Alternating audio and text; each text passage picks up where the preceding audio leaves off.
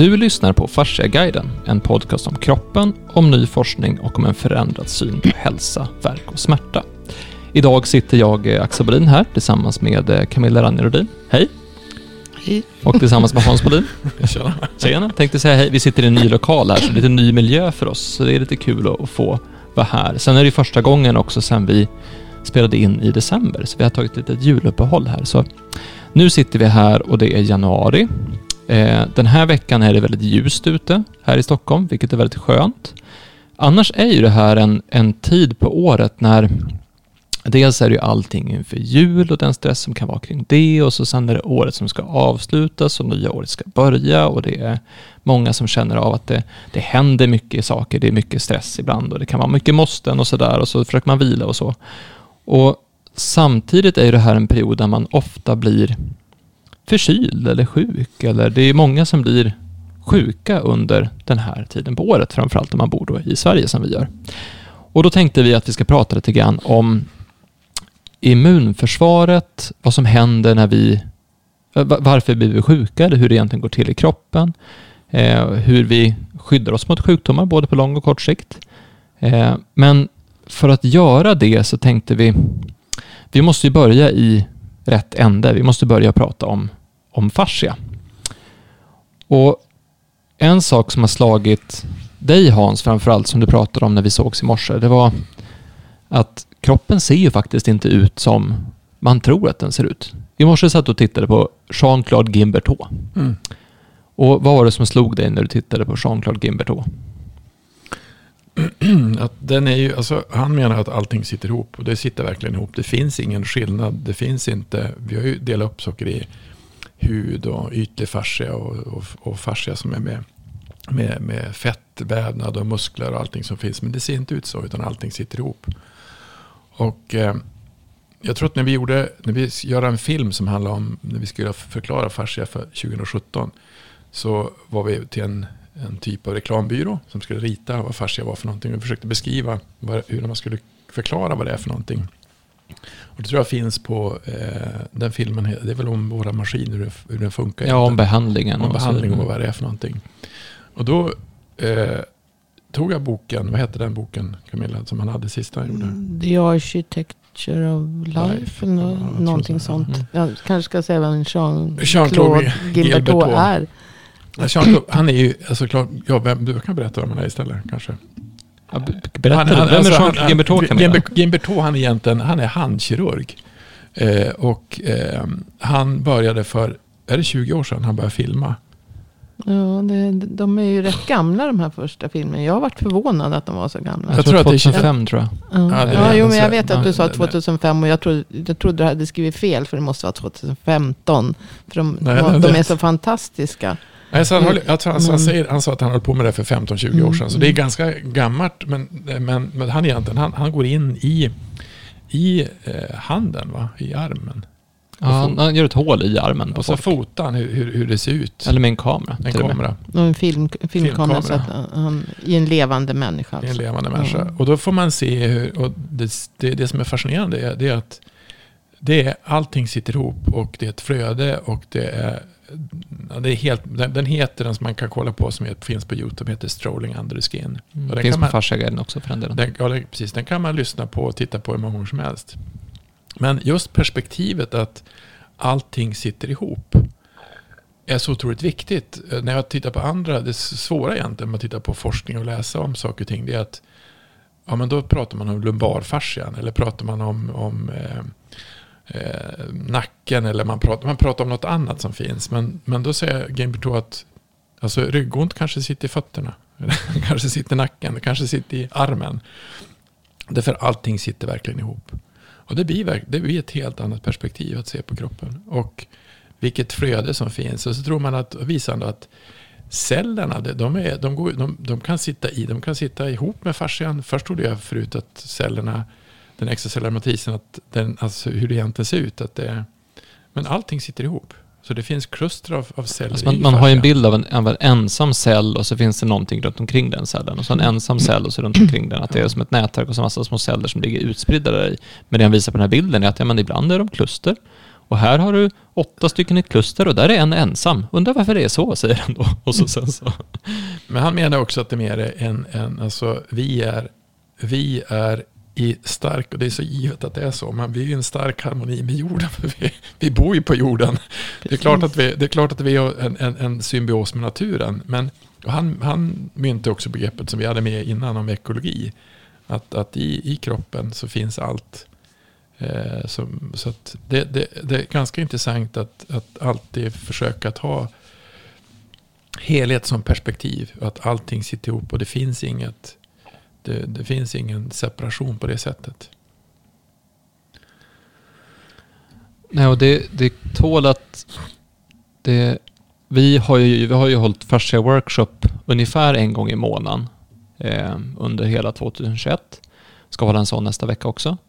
Och det som är fascinerande är att vi kommer alltid in på den här delen av när vi pratar om vad, vad är fascia, hur ser det ut egentligen? Och pratar just om hur vi är så fruktansvärt intränade i att inte förstå hur vår kropp ser ut. Alltså vi, vi är så vana med att se kroppen som uppdelad eller död och när vi tittar på hur jag minns Camilla, du hade en föreläsning om både lymfsystem och nervsystem och, och, och, andning och cirkulation och blodet och alltihopa. Och så sen så tittar man som på blodet på ett och så tittar man på lymfsystemet som ett system och så fascian som ett system och så har man nervsystemet som ett system. För att man tänker inte att vänta, alla de här sitter ju ihop. Mm på varandra precis hela tiden. Det är inte som att det här är isolerade saker, utan allting, i varenda liten del av kroppen finns alla de här sakerna parallellt, huller om buller. Och det som han sa, Gimberto, i den här videon, att det är totalt oregelbundet, totalt vid första anblick helt utan ordning. Mm. Det är helt kaos. men det är fruktansvärt strukturerat. Ett, så det är ett, ett ordnat ett kaos. väldigt ordnat kaos, men det är totalt kaos. Och det är totalt det är totalt annorlunda från den bild du har av kroppen när du öppnar anatomiböcker. Och det intressanta är att vi bygger vår bild alltså på det som finns i böckerna, när vi läser böckerna. Men han har byggt sin bild på kroppen på hur det ser ut när man faktiskt filmar i kroppen. Och det är ju ändå mer reellt än vad, än vad det är i böckerna. Men ändå har vi så svårt att förstå det. Han säger bland annat att du kan inte ta, alltså, du kan inte ta en, en sån här förenklad bild från en bok. Det är dumt. Så. Du ska vara, man ska se på det perspektivet. Så perspektivet är viktigt. Och var, varför tar vi upp det här då? Jo, men därför det som är häftigt med att börja förstå att kroppen kanske ser helt annorlunda ut än vad vi har trott, än vad vi, vad vi spontant tänker oss.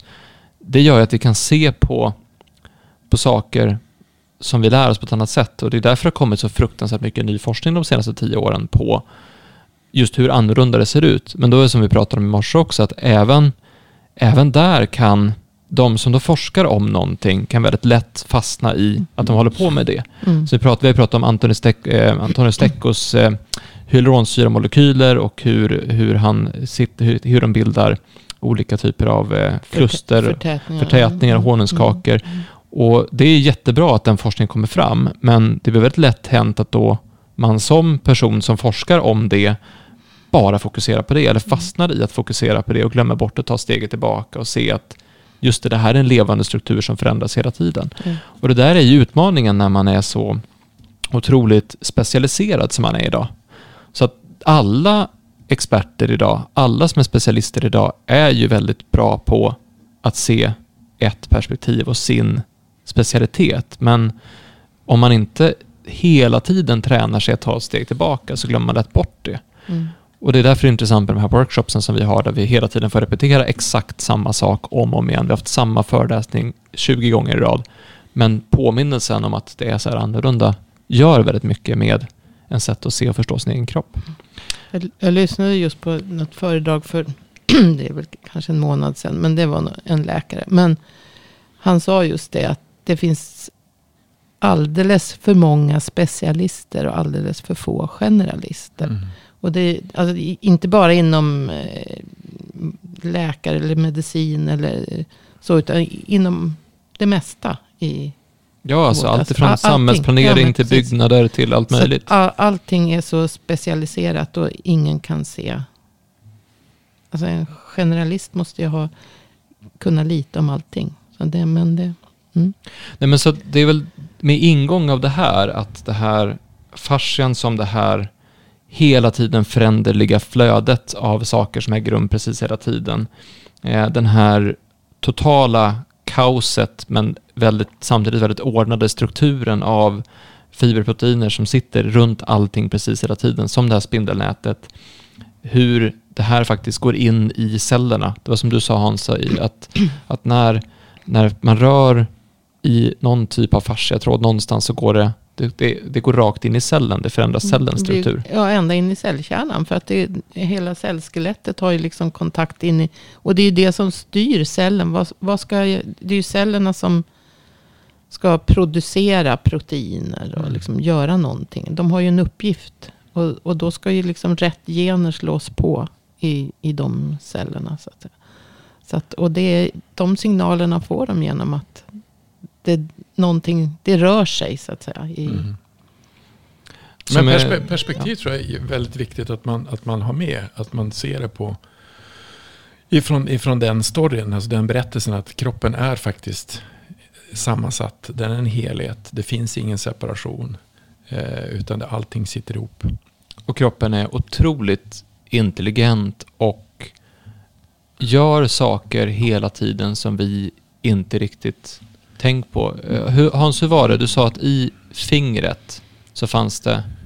Alltså i fingertoppen så fanns det någonstans mellan 1800 till 3000 eh, känsleceller. Alltså nerv, nerv, nervändar för att kunna känna fria, saker. ja, fria, när, fria nerv. nervändar. som För att kunna, känns- och, så att, och det kan man ju, alltså det är ganska fantastiskt som man inte tänker på. Men de hade gjort exempel på att tagit eh, eh, Eh, tre stycken eh, olika typer av strukturer.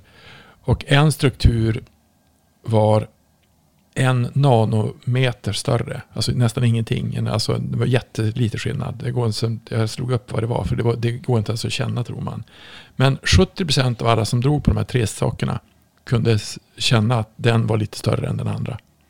Fast det var bara någon... Vi har, ja, vi har otrolig känsel i fingrarna. Och, och, och, det, och det, när man inte först, när man, alltså när man tänker 3000, vi håller på med, om man tittar på att ta fram saker och ting som vi försöker utveckla hela tiden. Alltså, jag vet inte hur många, var det 250 miljarder eh, nervceller det fanns i kroppen? Alltså som kan känna saker och ting. Och när vi pratade med eh, vet hon, Heikki Jäger så sa man att man visste ju inte ens, alltså vi har ju, i, i, i hälen så hittar man ju mycket var det nervändar som fanns där som man inte ens visste vad det var för Ja, det var någonting. typ så här sex gånger fler oklassificerade nervändar än vad det fanns andra nervändar.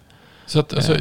det som vi kan känna, bara som jag sa till dig, att om, vi kan ju vara i ett samma rum och så kan vi känna på olika typer av ytor och känna skillnad på de ytorna. Mm.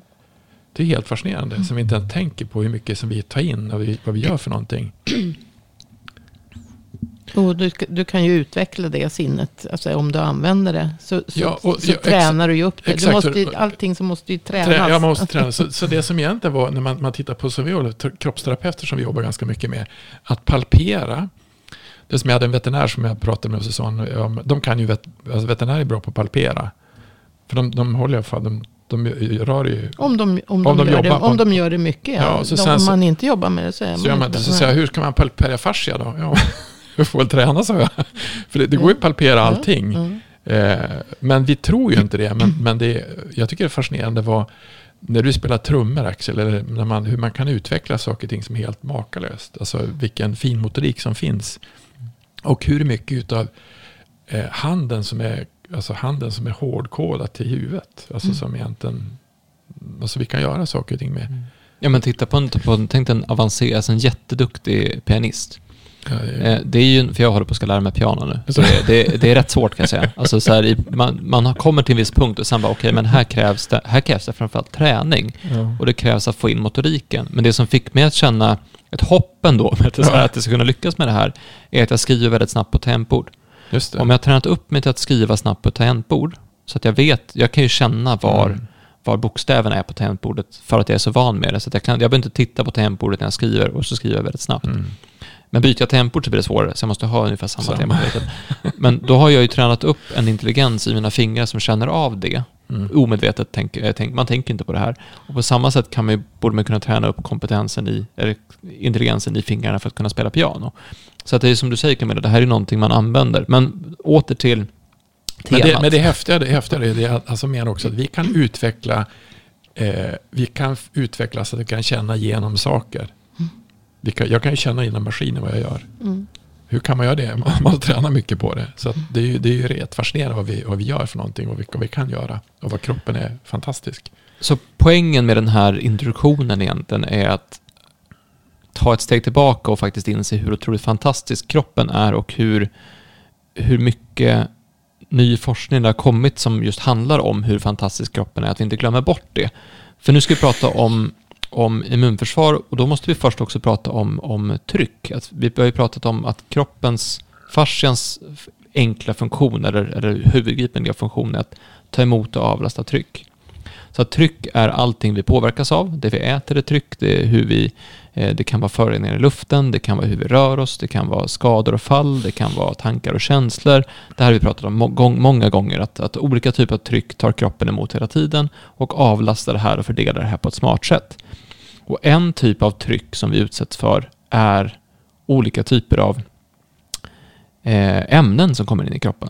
Mm. Då tänkte jag lämna över till dig Camilla. Vad är, vad är det för tryck som kan komma in i kroppen som gör att, vi, som gör att eh, kroppen utsätts för någonting? Vad är det för tryck? Som Vad är det för tryck? men det är väl, vi pratar om bakterier och virus ja, och sådana saker. Ja men, ja, men alltså vi har ju allting. Det, det är ju allt från bakterier, virus, parasiter, alltså svamporganismer, eh, gifter, eh, pollen, alltså allting som kommer in i kroppen eh, ger ju, så att säga. Men för att ge lite perspektiv på det här, hur många skulle du säga att det är just nu här i rummet med oss? Alltså tror du att det rör sig om två, tre bakterier eller är det liksom? Nej, säkert miljontals. Alltså, så just nu i det här rummet men, är det förmodligen miljontals, eller i alla fall tusentals bakterier ja, och virusar och grejer Alltså vi, vi är ju omgivna utav eh, mikroorganismer och eh, säkert också gift eftersom jag är inne i stan tänkte jag säga. Det är inte, men kanske lite mindre gifter och så i luften hemma på landet. Men, men eh, det är avgaser och det är allt sånt som stressar kroppen. Alltså stress är ju en, en belastning på kroppen. Det kan vara fysiskt eller det kan vara att någonting så att säga, kommer in i kroppen. Men det kan ju också vara mentalt. Så att att... Eh, så att just nu i det här rummet så är det ett flertal partiklar som flyger runt via luftkonditionering till exempel. Ja. Som ja, vi andas in och som påverkar kroppen. Vi har luftkonditionering här och där kan det komma väldigt mycket mm. olika och vad gör partiklar då, och virus och bakterier och svampar. Och, och vad är det första då min kropp gör för att hantera det här? För det kommer ju in via, via näsa och mun framförallt då kanske. Ja, om det, det är luftburet så kommer det in via näsa och mun. Och då kommer det ju direkt till slemhinnorna. Alltså, vi har ju huden, alltså yttre skyddet det är ju huden. Och sen är det ju då alla öppningar i kroppen har ju slemhinna. Och slemhinnan har, är ju liksom klädd med dels här cilier eller flimmerhål. Och sen ett slem. Som eh, produceras för att ta hand om eh, ja, partiklarna så att säga. Och eh, och nu säger jag partiklar oavsett om det är så att säga, virus, bakterier, eh, andra parasiter eller men vi är ju också omgivna av väldigt mycket goda mikro, mikroorganismer. Alltså vi lever ju ihop med hela, vi består väl till 90 procent av, Främmande av, av andra celler än våra egna celler. Mm. Så, så, och dessutom så hela vår utveckling har ju skett med, med hjälp av virus och bakterier och mikroorganismer. Alltså man säger DNA är också liksom delar utav virus. Och, och våra mitokondrier i cellerna är, är, härstammar ju från en bakterie som har blivit instängd. Och som, så att det är ursprungligen alltså bakterier som har gjort att vi, och virus som har gjort att vi utvecklas. Så att vi har ju hela tiden anpassat oss så att säga. Så att, eh, men eh, vad händer då när det kommer till slemhinnan om vi andas in det så kommer det till näsa, svalg, ögon kanske. Eh, och eh, där har vi ju då den, den lösa, alltså det kommer ju in i flödet i fascian. Den vägen. Och där har vi då ett skydd med de här fagocyterna. Det första, första medfödda immunförsvaret som cirkulerar runt så att säga. Som finns i det här flödet.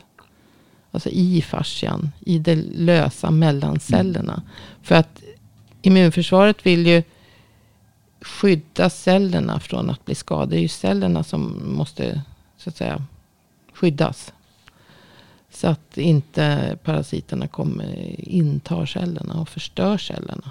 För att om, om allt för många celler blir förstörda så, så dör vi ju. Det är liksom de som, som gör jobbet då. Men, men eh,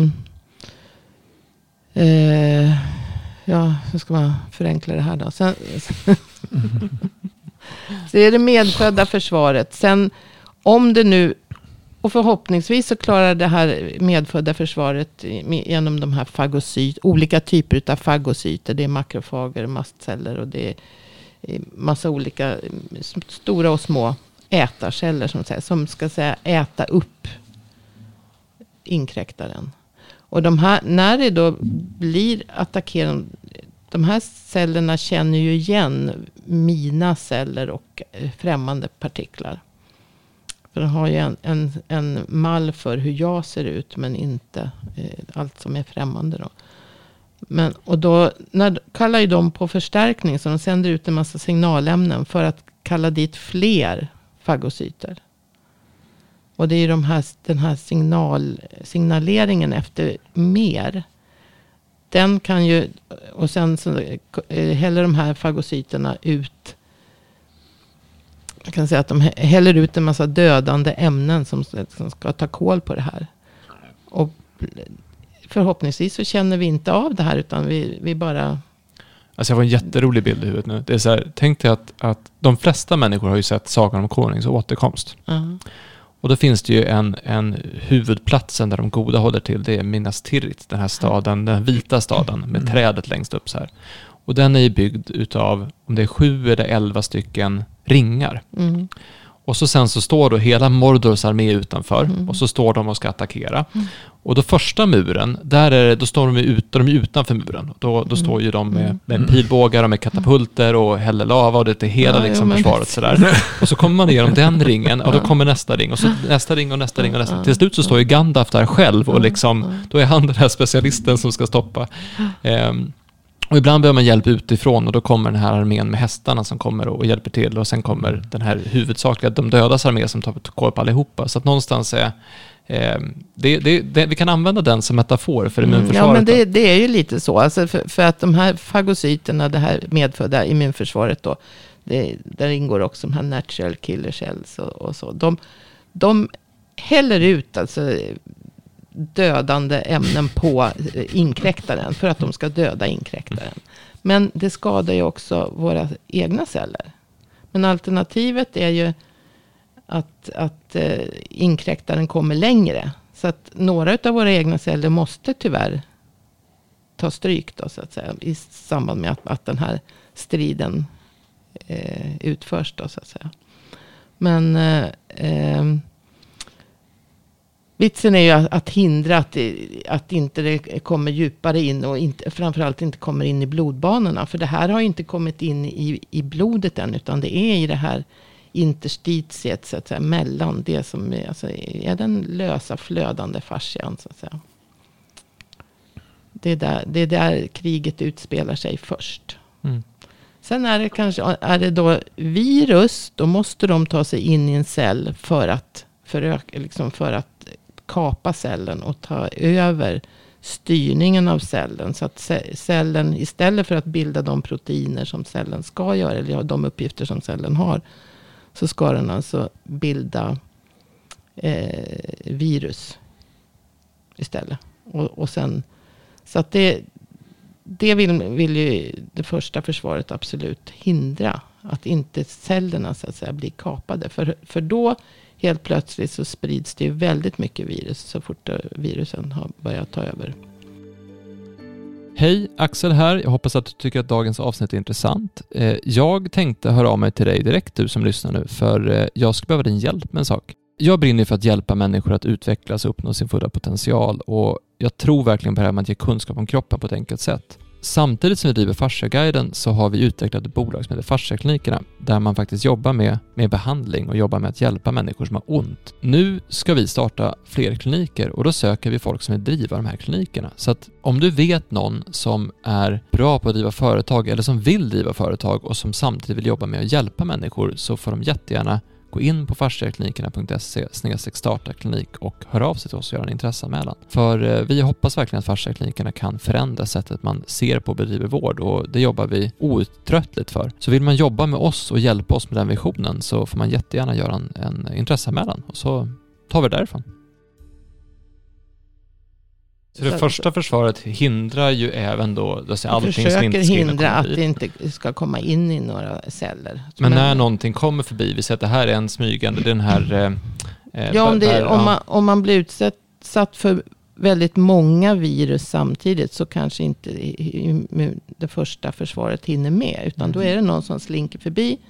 Och, och då har ju den på någon timme så har den cellen så att säga producerat hundratals eller tusentals mm. nya virus. Och sen som i sin tur kan försvåra för immunförsvaret. Då, precis som i Sagan om Konungs återkomst, de här stora stegarna ja, kommer och så kommer precis, det mer och mer ja, orcher över och till precis, slut så brister muren och då kommer de in. Men, Men bakterier, om, om man blir smittad av bakterier, då, de lever ju mer i det här interstitiet eller försöker komma in i blodbanorna. De attackerar ju inte cellerna på det viset, men de de, eh, ofta kan de ju producera gifter och, och sådana saker istället. Som, och de gör ju att vi får en oxidativ stress, alltså en överproduktion på, på fria radikaler. Fria radikaler är bra för det ingår i immunförsvaret. Men den här, det vi pratar om oxidativ stress är ju att det är fler, bildas fler fria radikaler än vad cellens egen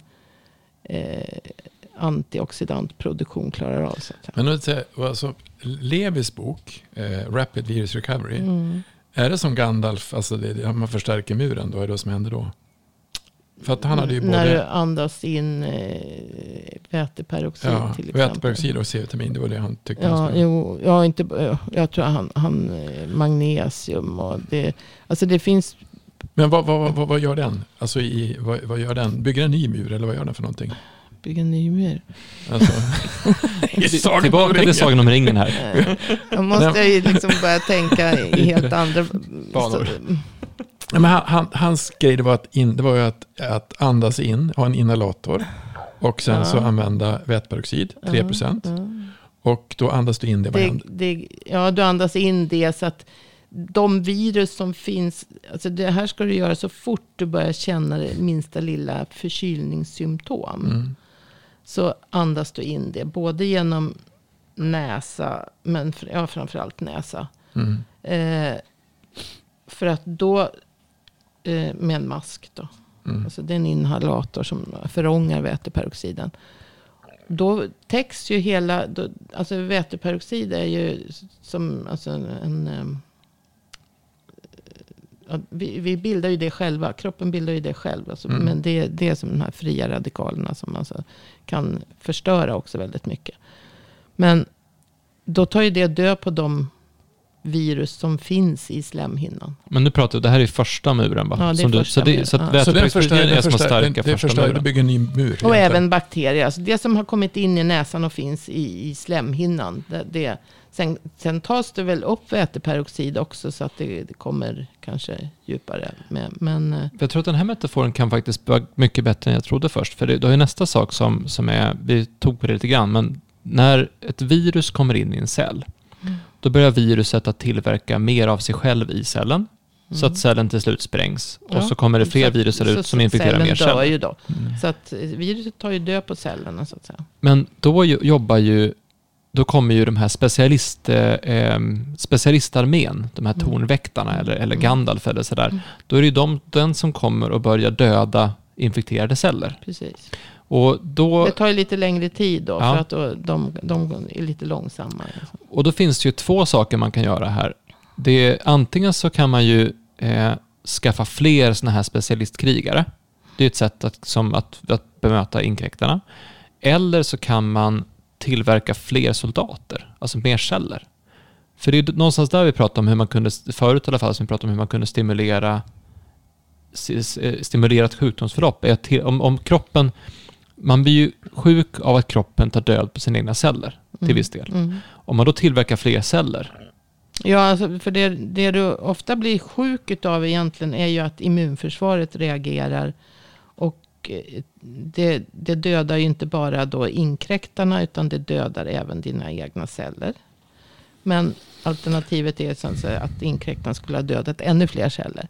Men samtidigt också så bildas det då till exempel var när de här fagocyterna äter upp inkräktare och, och det blir en gegga och den geggan det är det som vi känner i lungor och luftrör kanske som, som vi försöker hosta upp. Och blir det allt för mycket utav att de slänger ut en massa dödande ämnen på för att döda inkräktare och så många celler dör så blir det ju liksom för stor Men, men, celldöd men sätt. C-vitamin, C-vitamin och kurkumin, gurkmeja. Gurkmeja är en COX-2-hämmare som hämmar Mm. inflammationen. Mm. Kan man säga att gurkmeja och C-vitamin är då eh, Och, s- som släcker bränder? Så de, de, alltså istället för att man, är, man då, då tar ju de död på vissa saker. Alltså om det är för Mm. mycket, alltså C-vitamin är ju både, det, det tar ju död på, tar död på gift. Nej men det, det, det avgiftar kroppen, det tar död på virus, det tar död på bakterier. Det är liksom antimikrobiellt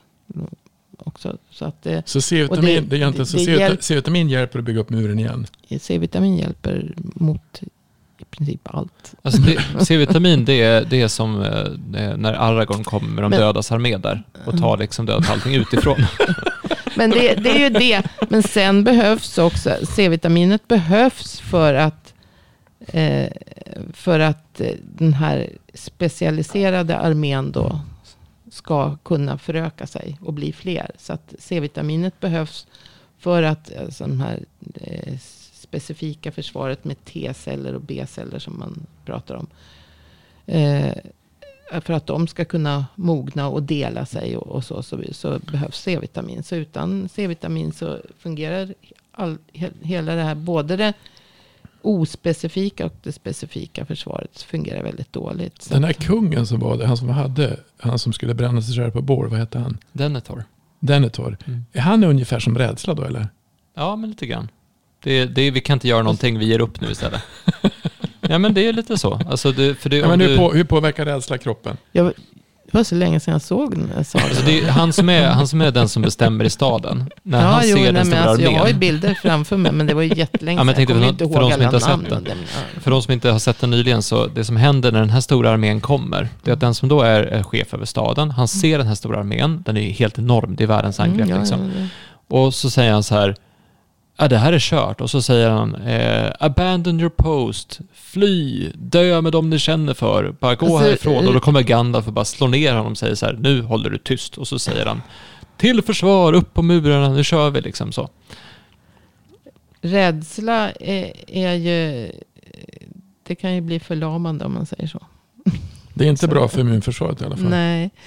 Eh, till viss del kanske. Det, en viss stress, ett påslag av kortisol är bra. Men inte om det blir för mycket. Och för Mm. mycket, eh, för mycket stress. Men alltså C-vitaminet samarbetar med kortisol. Mm.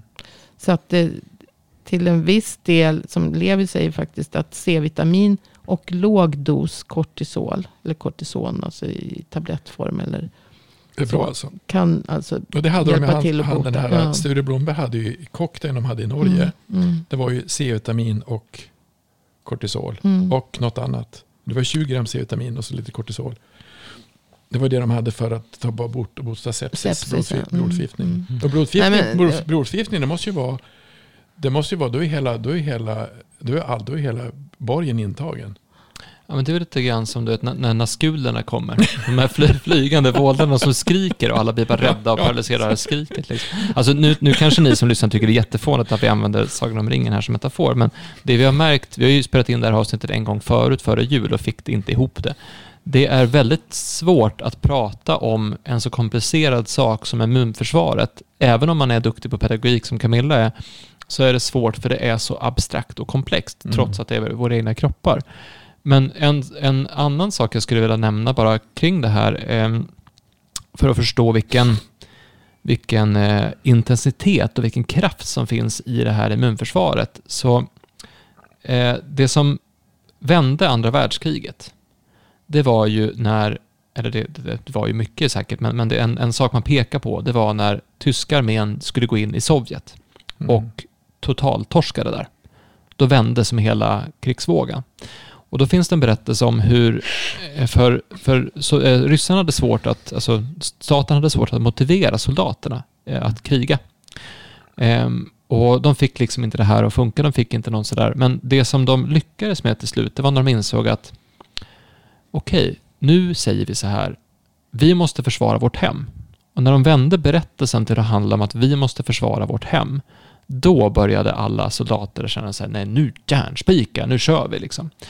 Och de var ju helt, alltså de brände ju upp byar, de, de eldade ner vetefält, de förstörde vattenreservoarer, de sprängde broar i sitt eget land för att stoppa den tyska arméns framfart.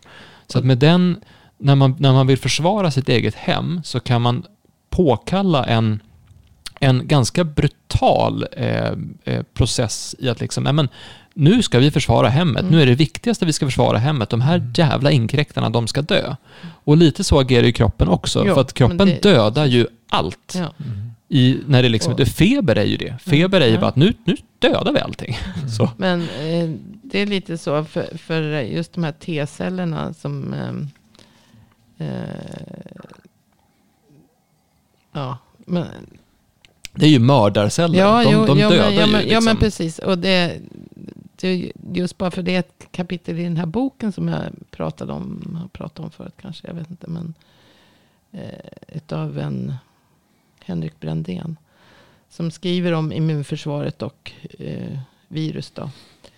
Eh, så har han ju just ett kapitel, den brända jordens taktik. Ja, okej. Det är den. Alltså, det, är precis, det är precis det. Och det handlar om T-cellerna. Liksom, att de, de, om, för att inte inkräktaren ska kunna överleva så tar vi liksom, vi stänger ner cellernas funktion så att de liksom, en kort stund så kan inte de göra det. det därför, ja, om man inte ger dem någon föda så att säga så, så, så cellerna stänger av sin funktion för att inte viruset heller ska kunna ha någon glädje av dem så att säga. Och häller ut gift i miljön allt ja, möjligt. precis. Ja. Ja. Nej, för Så det, att det, det som... Det, Men det, är så, ja. det är så intressant, men du sa som en annan sak som, är, som jag tänkte på när man är sjuk. Eller som kroppen gör. Eh, man är ju inte så hungrig. Nej. Man stänger av. Alltså man det är ju stänger, också dumt. att, man, att man gör det. Att man är hungrig. Ja men egentligen så är det ju lite dumt. Ja men nej, därför att du behöver ju ha näring för att nä- eh, immunförsvaret ska kunna fungera. Så egentligen ska man stoppa i sig mer mat alltså. Åtminstone C-vitamin. Kanske inte mat, men kanske vitaminrika saker. Ja men jag åt Eh. skitmycket C-vitamin när jag var sjuk. Ja, det gick väl bra. Och, Ja och lite andra. Nej, men för, för, Zink, magnesium. men, ja, för att avsluta det här med kroppens egna inbyggda brutalitet mot inkräktare. Så när vi hade föreläsningen om immunförsvar i höstas så berättade du Camilla om eh, de här, visst var det eh, B-lymfocyterna som gick den här elitakademin? Nej det var T-lymfocyterna. Så att de, de, de tränas upp på ett sånt sätt. Så att, det måste förresten du berätta, alltså hur, hur hård den här skolan är för de här cellerna. Alltså vi har, vi har ju B-lymfocyter och T-lymfocyter då som hör till det avancerade eller adaptiva, så att säga, det anpassningsbara immunförsvaret. Det som vi måste träna upp. Det andra är medfött som vi har direkt när vi föds. Alla de här vita blodkropparna bildas i benmärgen. Eh, det här medfödda försvaret, de, alltså fagocyterna då i, i olika skepnader. De fungerar direkt, de släpps ut så att säga från benmärgen. Men de här lymfocyterna, de eh, det är lite skillnad på B och- T-lymfocyter. Men T-lymfocyter, de heter T-lymfocyter därför att de från benmärgen hamnar i thymus. Alltså brässen som ligger under bröstbenet. Och som är väldigt utvecklad, väldigt stort. Alltså brässen då är stor hos unga individer. Därför att de har ju fortfarande en väldigt aktivt, alltså måste ju utbilda sitt immunförsvar. Jag har nog ingen bräss kvar. Alltså det, det är bara lite spridda lymfknutor kvar. Tror jag. Det Så att den försvinner ju alltså när man blir vuxen. Utan det är Så mest själva akademin lägger man ner efter ett Ja, tag. precis. Barn och tonåringar har, har liksom en eh, kalvbräss så äter man ju. Mm. Eh, och det är alltså unga individer. Då. Sen tynar den här bort. Men det innebär ju inte att... Alltså då är ju immunförsvaret lite mer uppbyggt. Och sen får man ju fortsätta att träna naturligtvis. Men de här T-lymfocyterna då. De går i skola. Jag vet inte hur länge det håller på. Men ett antal veckor. För att de ska lära sig skilja på mina egna celler och, och vara främmande celler. Och de, här, de har alltså små eh, proteinutskott på sina cellytor. Alltså T-lymfocyterna. Det är ju vita blodkroppar, en typ av vita blodkroppar. Så det är ju alltså vita blodceller. Eh, och det finns alltså proteinstrukturer för varenda, som ska känna igen varenda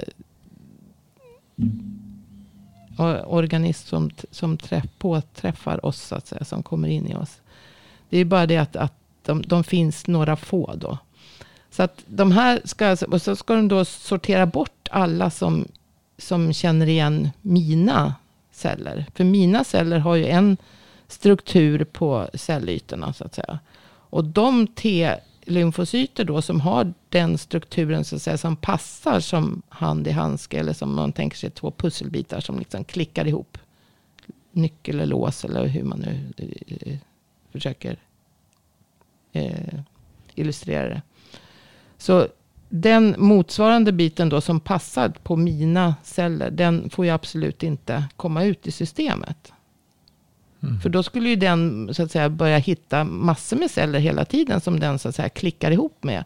Och så fort en sån här T-cell klickar ihop med någonting. Då går en signal in till, till den cellen liksom att dö.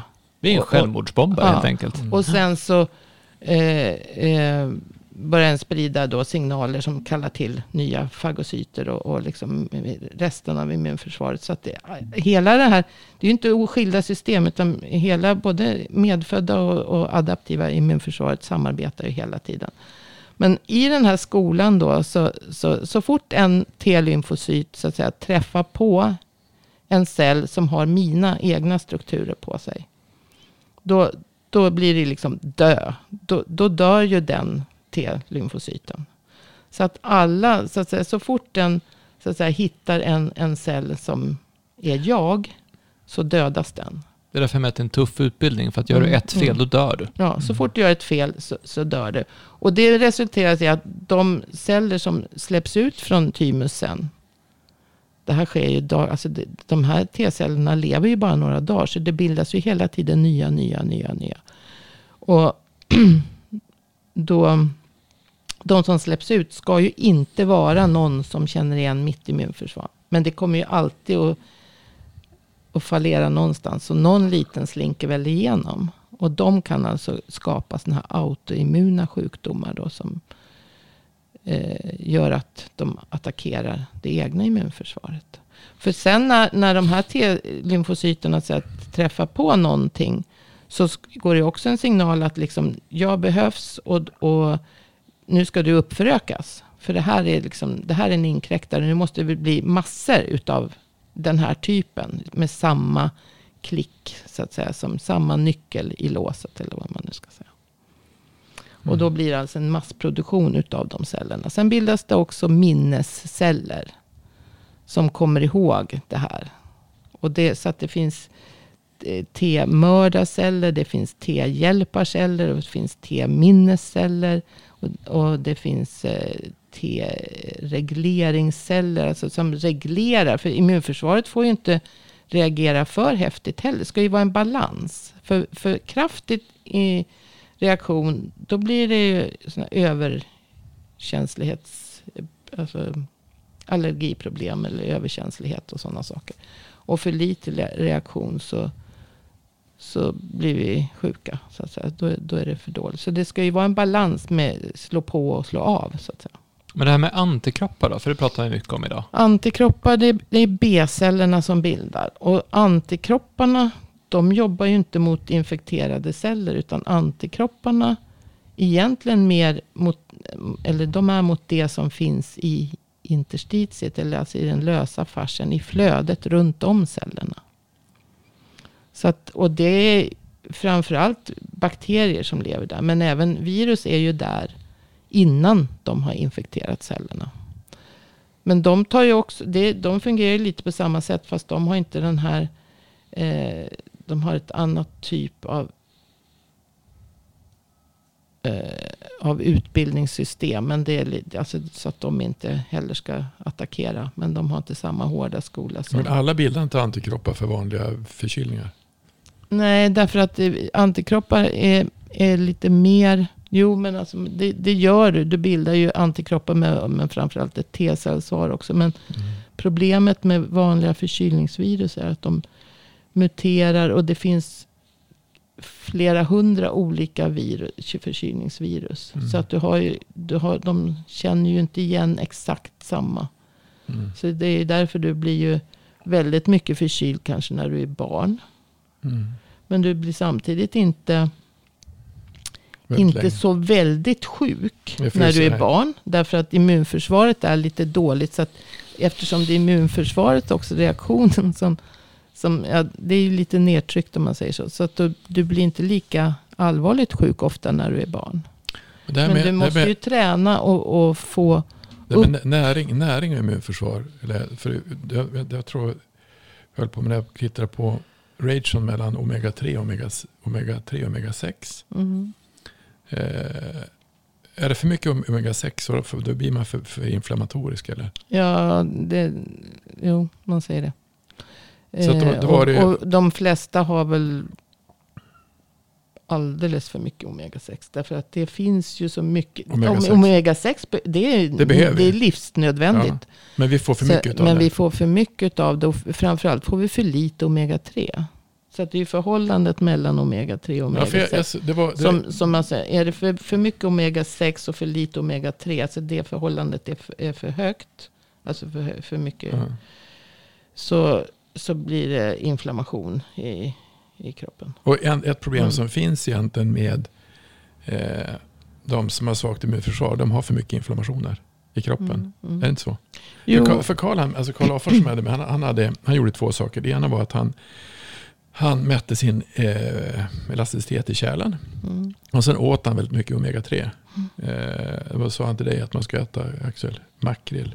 Ja, ma- ja, alltså Icas makrill var det tydligen. Den var, den var gjord på ett sätt så att den inte hade så mycket kvicksilver i sig. Men han menar att, att vi äter för mycket eh, raffinerade eh, Det, det, kol- tyvärr alltså- är ju så att alltså, man ska äta mycket fet fisk. Mm. Sardiner, makrill, lax. Fast inte odlad lax. För odlad lax innehåller en fjärdedel utav, mycket. utav omega-3 jämfört med en vildfångad lax. Men han sa så att egentligen om du hade, alltså om du tittar på ett, vi har haft upp det här förut också, hur, hur, hur, hur, eh, fascian är på vilda djur jämfört med ord, alltså vanliga. Men det har ju C-vitaminet. För eftersom vilda djur ha, de tillverkar producer- sig, ja, precis. producerar sitt eget C-vitamin. Så det är inte stress. bara omega, omega-3. Men då, men då sa det- han alltså, det, då, då, ration mellan, alltså om vi har en, en ratio mellan omega-3 och omega-6 på 1 till 3. Eh, och egentligen är det på de flesta har någonstans 1 till 10, eller i USA man 1 till 30. Därför man äter så mycket mer fel mat. Mm. Då är man nästan konstant inflammatorisk. Kan man, kan man underlätta den med att man äter mycket mer C-vitamin istället? Då? Eller? Ja, ja, absolut. Och, och C-vitamin och, och magnesium. Och,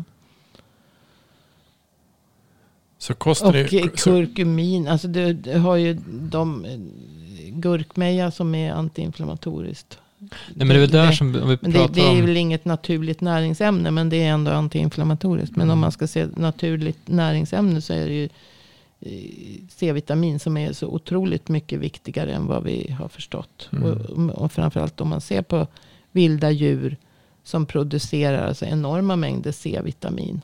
mm, Eh, och och C-vitamin, just att C-vitamin och socker är så otroligt lika. Så att vi, vi klantar ju till det ännu mer. Det är inte bara så att vi inte kan bilda C-vitamin. utan vi äter också en massa socker. Mm. ofta, många. Eh, och när vi gör det så, så alltså socker och C-vitamin är så lika i molekylkonformation. Mm. Eh, så att de, de konkurrerar om samma transportkedjor in i cellen. Så att om vi äter socker samtidigt som vi tar en C-vitamintablett så har vi klantat bort stor del av det C-vitaminet också. Mm. För att då, det, då, då konkurrerar det med socker och så kommer inte allting in i cellerna. Mhm. Så att vi... Ja, det, det, det är ju lätt att... Det är så komplext allting som man blir alldeles... eh, Men det är där någonstans, för vi, det, vi- det vi försöker förklara här är ju hur otroligt fantastisk och komplex kroppen är och just hur bra den är på att ta emot avlastat tryck, på att försvara sig från ingrepp. Alltså det är, om Minas Tirith har sju murar så har väl kroppen ganska många fler murar som är ganska mycket Mm. högre. Det finns en extrem sofistikerad process här i hur det här funkar. Mm. Men om du ska prata lite grann om, om hur, man ska, hur man ska förstärka upp sitt försvar. För den första biten var ju eh, det det här medfödda immunförsvaret. Ja, och, och det är det också som skapar inflammationen. Det här medfödda immunförsvaret. Ja, det, blir ju fler liknande processer sen. Men det första, när det kallar på eh, förstärkning. Så släpper det ut en massa ämnen. Som, som alltså signalproteiner. Som alltså eh, triggar igång inflammation. Som, för att inflammationen är ju egentligen att blodflödet till det här stället ska öka. Kärlen eh, börjar vidga sig och börjar läcka. Därför att fagocyterna, vita blodkropparna som finns i blodet. Måste komma ut ur blodkärlen för att komma in i flödet mellan cellerna. För att ta död på, Mm. på inkräktarna. Och då börjar eh, kapillärerna att liksom, eh, vidga sig och börja läcka. Vad händer då? Jo, det blir ett, ett övertryck så att säga, med, eh, i det här interstitiet. Det, det tappas eh, blodplasma så att säga, från blodkärlen och ut i interstitiet. Sker det här i för stor omfattning då kommer vi få blodtrycksfall och bli jättesjuka. eh, Alltså kanske dö.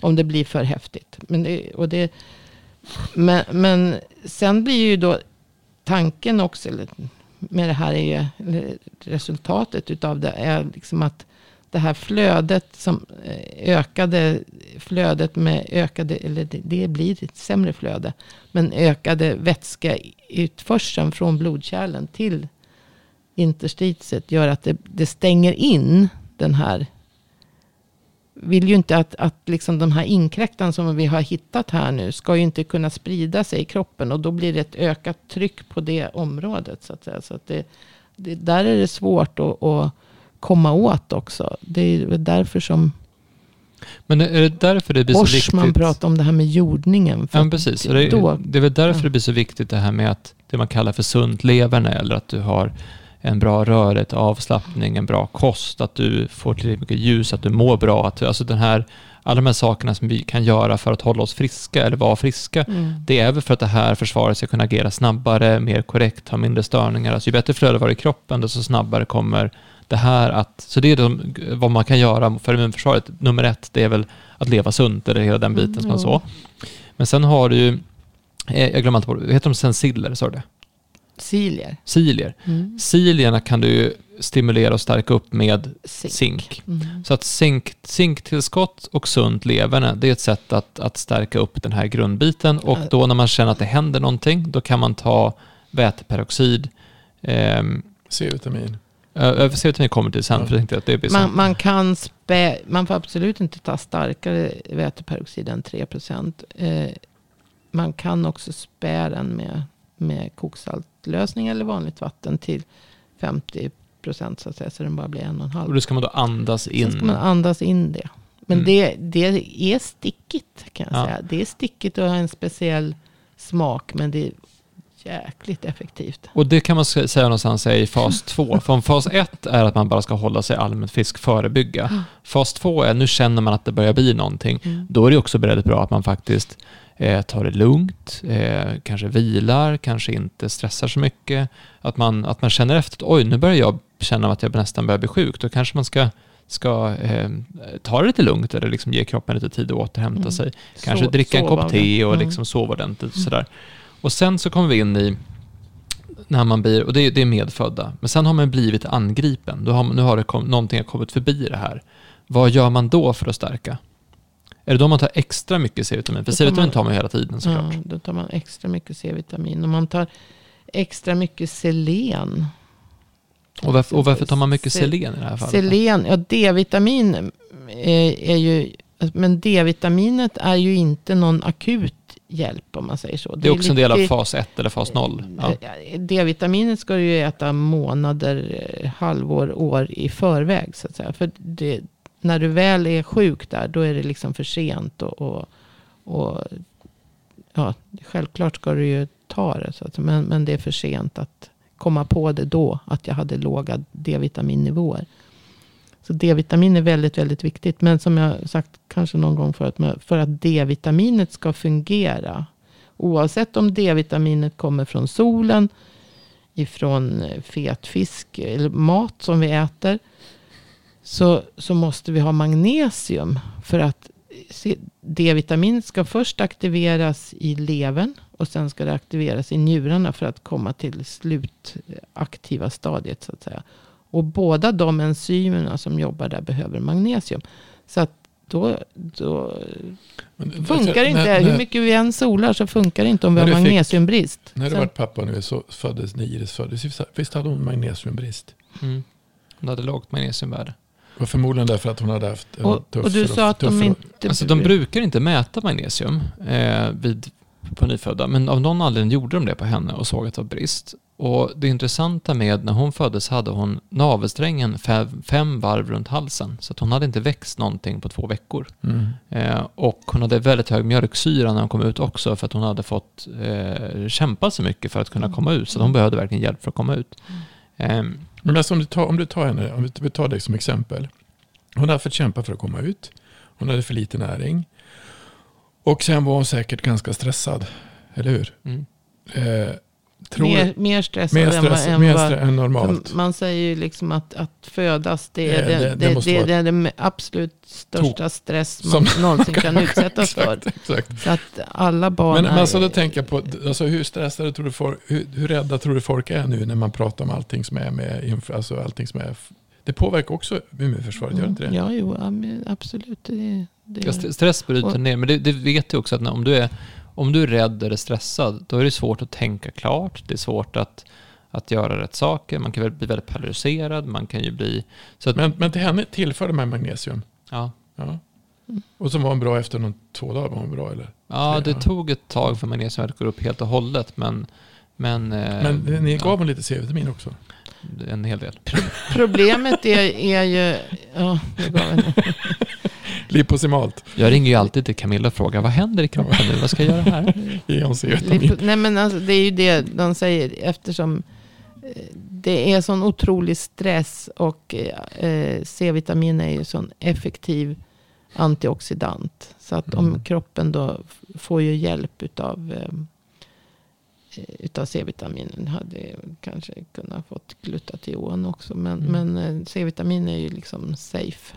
Så, Men de som, absolut. nu har vi, nu har vi kört, alltså Det är de, de som, vi, köpt, vi köpte den här boken utav, som han har gjort eh, eh, Thomas Levi. Thomas Levi, som heter Det naturliga universalmedlet. Varför är det så mycket kritik mot C-vitamin? Du har läst boken, eller hur? Både på engelska och svenska. Mm. Vad, vad är det han säger för någonting som är så märkligt? Varför kom han in på C-vitamin? Varför tycker han att det är fascinerande? Är det, är det därför att, alltså, är- varför, varför de har varit emot C-vitamin så länge? Varför, det finns ju fortfarande de som säger att man inte behöver C-vitamin fast vi inte Ja, tillverkar det. Ja. Nej, nej, men alltså det är, för, det är ju för enkelt med C-vitamin. Det är, Men vi ska inte äta brustabletter. nej, inte brustabletter. Inte brustabletter, för det är värdelöst. Det, det ska vi inte. Nej, men brustabletter innehåller ju en massa annat. Det innehåller ju eh, socker, men sötningsmedel och för- framförallt andra eh, syror som fräter på tänder. Och, Men om det är så bra, varför, varför, varför, är, varför är fortfarande så många som är eh, tve, ja men det är bara, man kissar ut det. Och, och, alltså jag har hållit på med det med 15 år, det var det till 20 år så skickade jag en, en, en, en, en artikel som var faktiskt en, en som kom ifrån ditt håll.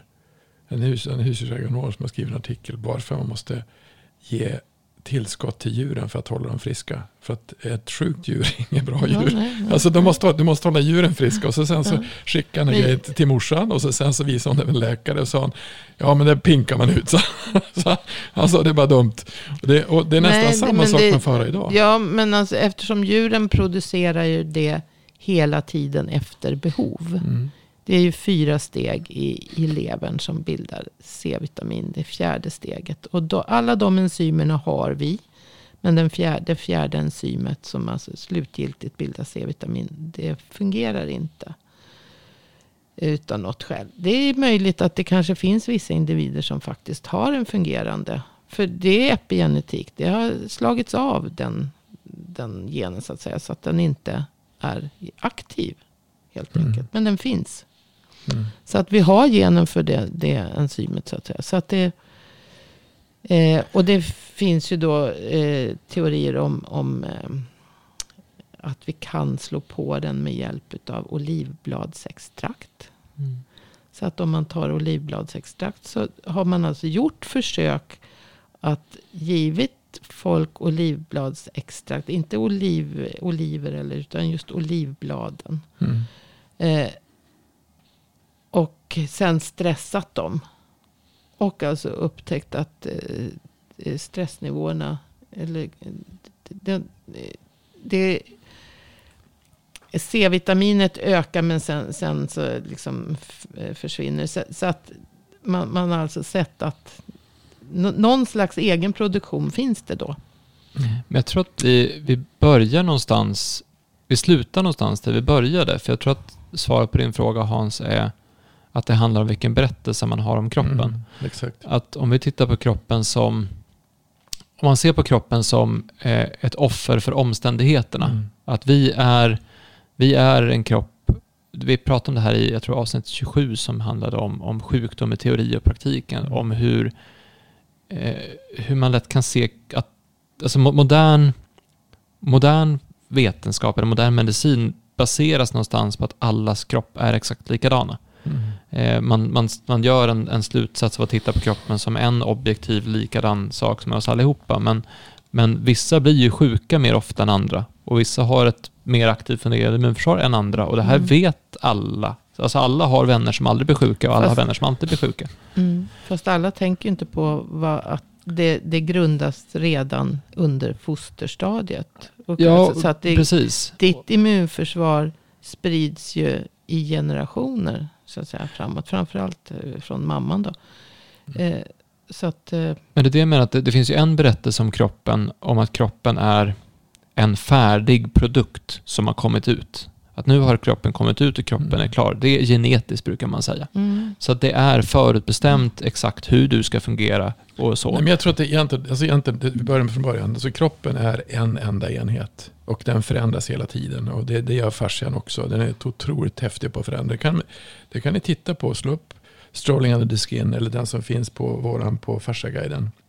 Om, om, om hur Gimbertos, vad han egentligen vi. För det är egentligen, det, vi är dynamiska, vi är förändliga och vi lever i symbios med det som är runt omkring oss. Och vi är beroende av, som du sa, mikroorganismer både i, i och utanför oss.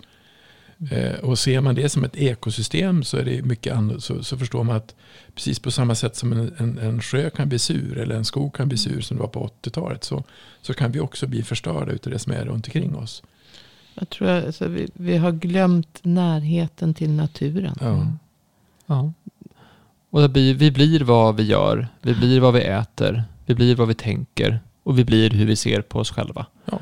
Och kroppen är hela tiden levande och föränderlig.